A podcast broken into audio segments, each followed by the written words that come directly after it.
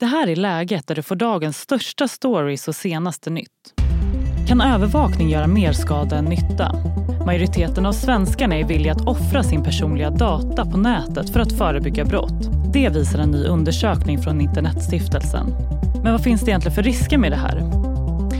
I dagens avsnitt pratar vi också om varför bensin och dieselbilar plötsligt blivit förbjudna i Stockholms innerstad. Jag heter Erika Eneström. Nu har jag med mig Måns Jonasson, internetexpert på Internetstiftelsen.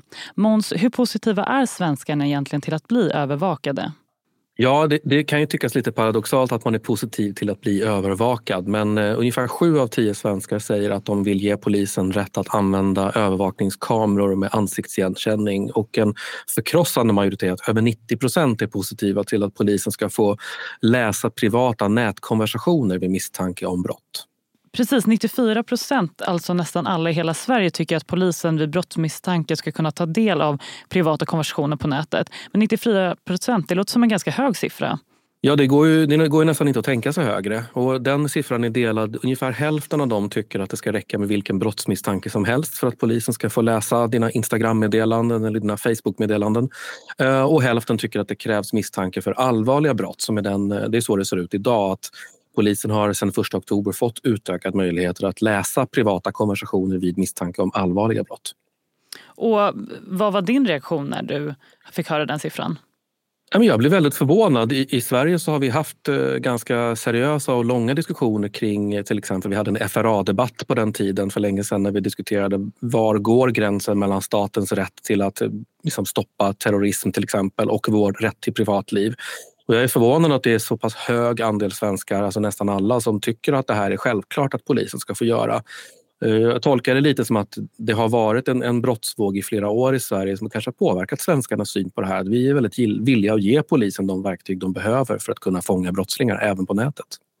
Ja precis, jag tänkte komma in på det här. Varför varför tror du att det är så här? Jag tänker att det inte är så konstigt egentligen att så många prioriterar att lösa brott framför sin integritet i den tid som vi lever i idag.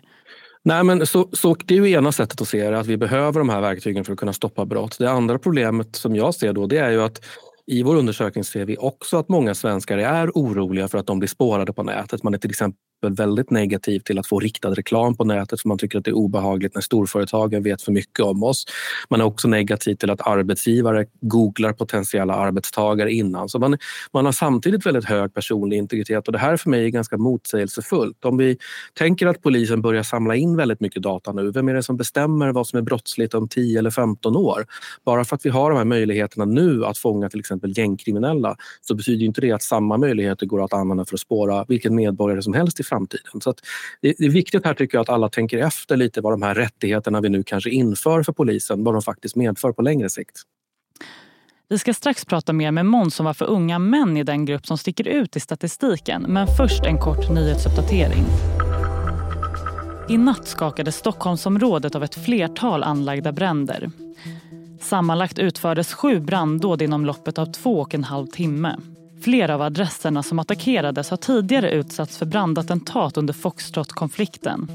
Och på en pressträff idag konstaterade rikspolischef Anders Thornberg att våldsvågen som vi ser nu är den våldsammaste vi någonsin har haft i Sverige.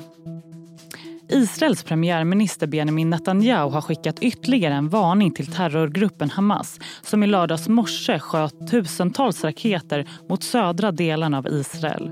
I ett tv-samtal säger Netanyahu att Israel bara börjat sin offensiv mot Gazaremsan och han säger citat att det vi kommer göra mot vår fiende under de kommande dagarna kommer att eka bland dem i generationer.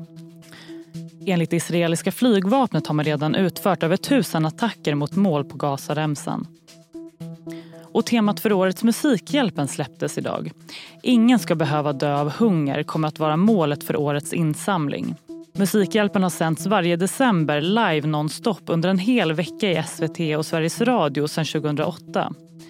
I år kommer Musikhjälpen för första gången att sändas från Växjö med start den 11 december. Hej, Ulf Kristersson här. På många sätt är det en mörk tid vi lever i. Men nu tar vi ett stort steg för att göra Sverige till en tryggare och säkrare plats. Sverige är nu medlem i Nato. En för alla, alla för en. Har du också valt att bli egen? Då är det viktigt att skaffa en bra företagsförsäkring. Hos oss är alla småföretag stora och inga frågor för små. Swedeas företagsförsäkring är anpassad för mindre företag och täcker även sånt som din hemförsäkring inte täcker. Gå in på swedea.se företag och jämför själv.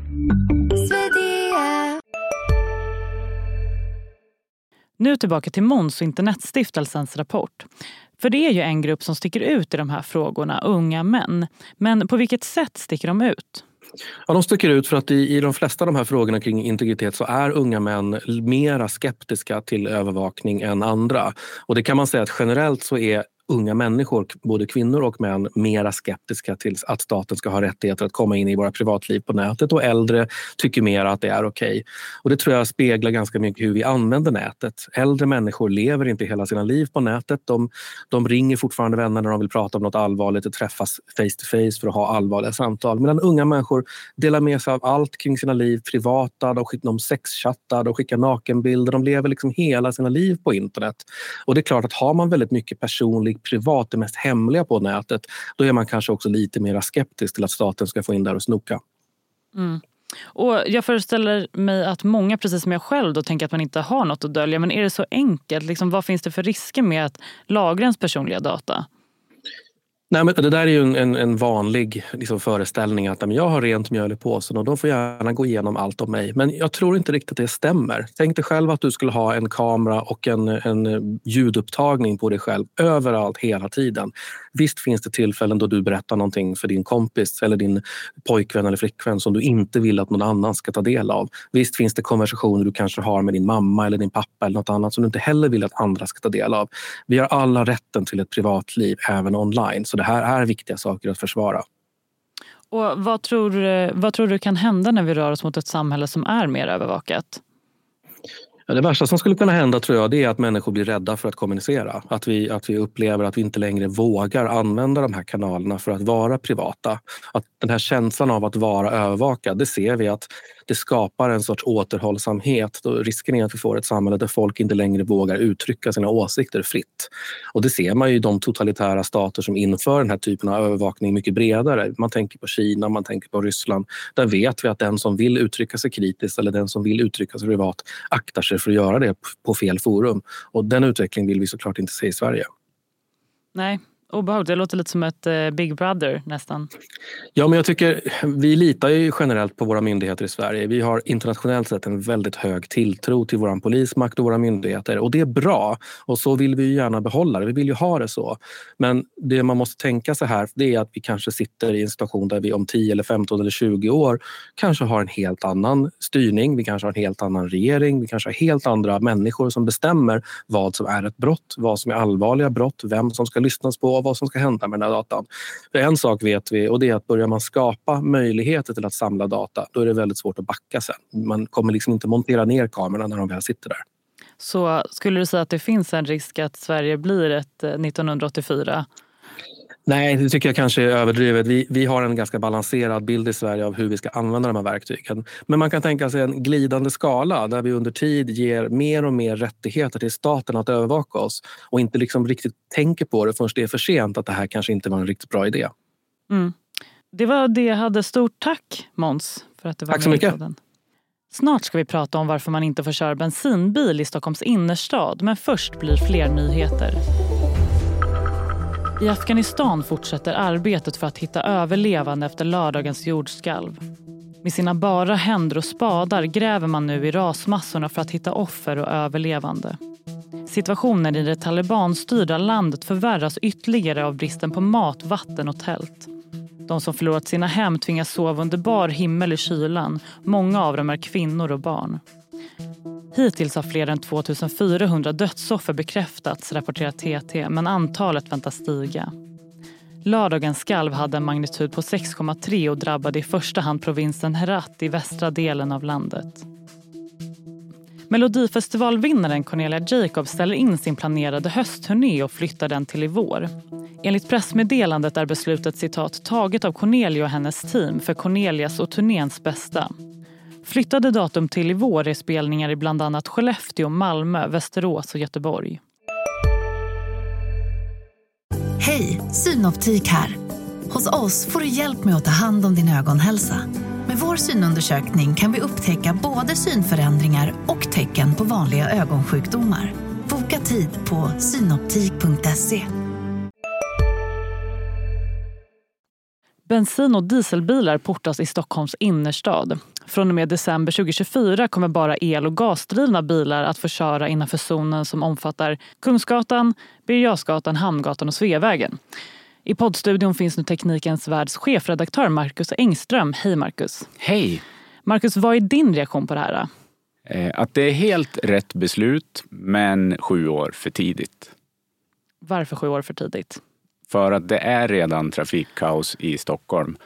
Och eh, det här kommer att bli ännu mer trafikkaos eftersom eh, Klara tunneln kommer upp rakt in i det här området. Så kommer man bara att flytta problemet med dålig luft och utsläpp till andra stadsdelar. Och det är det rödgröna styret i Stockholm som har kommit fram till det här. Men vad är egentligen syftet? Ja, syftet är ju att eh, minska, säger de i alla fall, syftet är då att minska utsläppen av dåligheter i luften för att det eh, riskerar att ge spädbarn sämre lungor och att äldre dör i förtid för att de får in en massa dåliga partiklar i systemet helt enkelt. Och vad har det kommit för andra reaktioner på det här? ja, de flesta reagerar väl med att Jajamän, om de vill att vi ska sluta köra bil helt och hållet i Stockholm så hade de väl kunnat säga det istället då. För det här det är det som kommer att bli följden av det. Det kommer inte att gå att köra bil i Stockholms innerstad alls. Men eh, forskningen då, vad säger den? Det, finns det bevis på att det här fungerar? Det är ändå ett eh, ganska litet område det handlar om. Ja, luften kommer att bli jättebra just i det området. Men ja, man kommer att flytta problemet till någon annanstans. Kan man säga vart problemet kommer hamna istället? Ja, men om man tar just det här då, så eh, proppen kommer ju att bli eh, på Centralbron och det kommer att bli ännu mer trafik på Essingeleden. Hade man gjort det här när Förbifart Stockholm eh, är klar, vilket beräknas vara ungefär 2030, då hade man åtminstone fått lite avlastning av biltrafiken genom och precis nära Stockholm.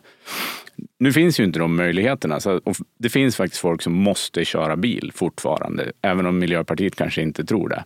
Men finns det inte några andra sätt att få ner utsläppen än att göra just på det här sättet? Ja, alltså det skulle vara om alla kör elbil. Då är det ju noll utsläpp precis där bilen framförs. Eh, men det, det ekonomiska klimatet just nu är ju inte särskilt bra så att folk har inte råd att köpa elbilar. Nej, jag tänker, hur ser det ut i andra länder? Har det fått någon effekt där? Eh, London ligger ju långt före med det här. De har ju en så kallad ULES, eh, Ultra Low Emission Zone, som omfattar ett jättestort område. Där bor det 10 miljoner människor inom området. Eh, och då kostar det mellan 200 och 400 kronor per dygn att köra en ja, fel sorts bil där inne. Och där har man ju sett ganska bra resultat av det här. Och det, det, här går ju att mäta, så det kommer att bli jättebra luftkvalitet just där den här zonen är. Men den är ju pytteliten. Så på det stora hela så i Stockholm så kommer inte det här att ge något jätteresultat. Men i London så har det gett jättebra resultat på bekostnad av folks ekonomi. Och vad ser du att lösningen skulle vara istället? Eh, cykla, promenera eller eh, ja, stanna hemma.